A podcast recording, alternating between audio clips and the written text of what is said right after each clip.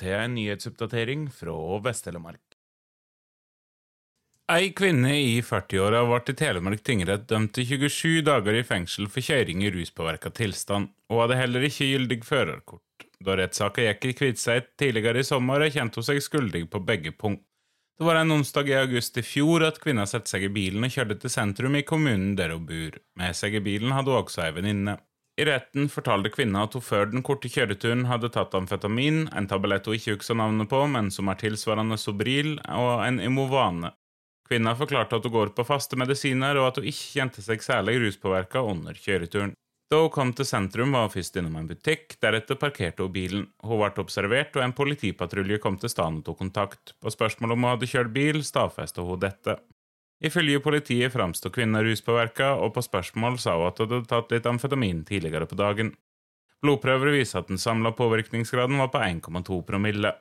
Kvinna ble dømt til 27 dager i fengsel og måtte betale en bot på 10 000 kroner, hun fikk også en sperrefrist på to år og seks måneder for å erverve førerretten. Dommen var samrøstes. Seljordpolitikerne bruker nesten to millioner kroner av sparepengene på drift av skole og barnehage for at budsjettet skal harmonisere med dagens situasjon, men sentrumsskolen må forberede seg på millionkutt i høst. Bakgrunnen for det ferske vedtaket fra et ekstraordinært kommunestyre i Seljord går tilbake til budsjettarbeidet i fjor høst. Det skilte da 5,2 millioner kroner mellom årsbudsjettet, som var lagt inn av einingsleirene, og ramma i budsjettet og økonomiplanen, altså rådmannens framlegg, som ble politisk vedtatt. Kommunestyret ba samtidig om en sak på hvordan spriket kunne bli harmonisert, og en oversikt over eventuelle tiltak og innsparinger. I marsmøtet løyvde kommunestyret totalt vel 3 millioner kroner for å få budsjettet i balanse. Politikerne ba rådmannen om å finne de siste to millionene gjennom sparetiltak. I et ekstraordinært eh, formannskapsmøte siste veka i juni var saka på politikerne sitt bord. I møtet kom det også fram at de ønsker om ytterligere styrking av budsjettet til Fladdal oppvekstsenter for å dekke endra behov. Det er snakk om 750 000 kroner til ekstra spesialundervisning, og totalt ville politikerne bruke 1,8 millioner kroner av disposisjonsfondet. Den høye summen gjorde at formannskapet valgte å løfte saka til kommunestyret. De folkevalgte møttes digitalt sist onsdag, og formannskapets tilråding ble her samrøstes vedtatt. Seljord skole styrer mot et merforbruk på 1,5 millioner kroner. Politikerne løser dette ved å kutte en million i hestehalvåret og tilføre en halv million fra disposisjonsfondet. Millionkuttet ble løst ved halve to og en halv stilling vakant ut året og reduksjon i skoleskyss som var budsjettert for høyt, skriver Vest-Telemark Blad.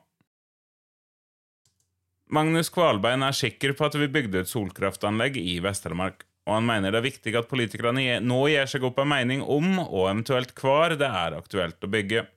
Det er klimakrisa som er bakgrunnen her. Det er reell krise vi har ansvar å gjøre noe med, sier Kvalbein.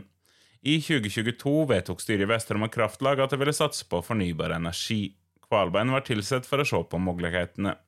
I tillegg til vannkraft mener han det er mest aktuelt å satse på solenergi i Vest-Telemark. Forretningsutvikleren i VTK er sikker på at det kommer til å bli bygd ut solkraftanlegg, både små og store, i regionen. Regjeringa legger opp til en stor utbygging av solkraft i Norge, og mye skal bli gjort på kort tid. Solenergianlegg er lette og forholdsvis rimelige å sette opp, men har også noen ulemper. Større anlegg krever mye areal, og energiforma er ikke regulerbar.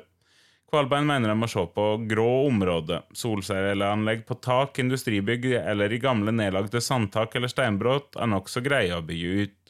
Men om en skal nå målet om utbygging av solkraft, vil det også være behov for større anlegg, og de store bakkemonterte solkraftanleggene krever store areal.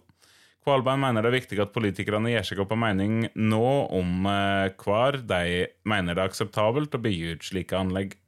Eller kanskje jeg må tenke motsatt og se hva området en vil verne, sier han. Han trekker fram motstanden som har vært mot vindparker, og mener det er viktig med god planlegging av solkraftanlegg for å unngå arealkonflikter.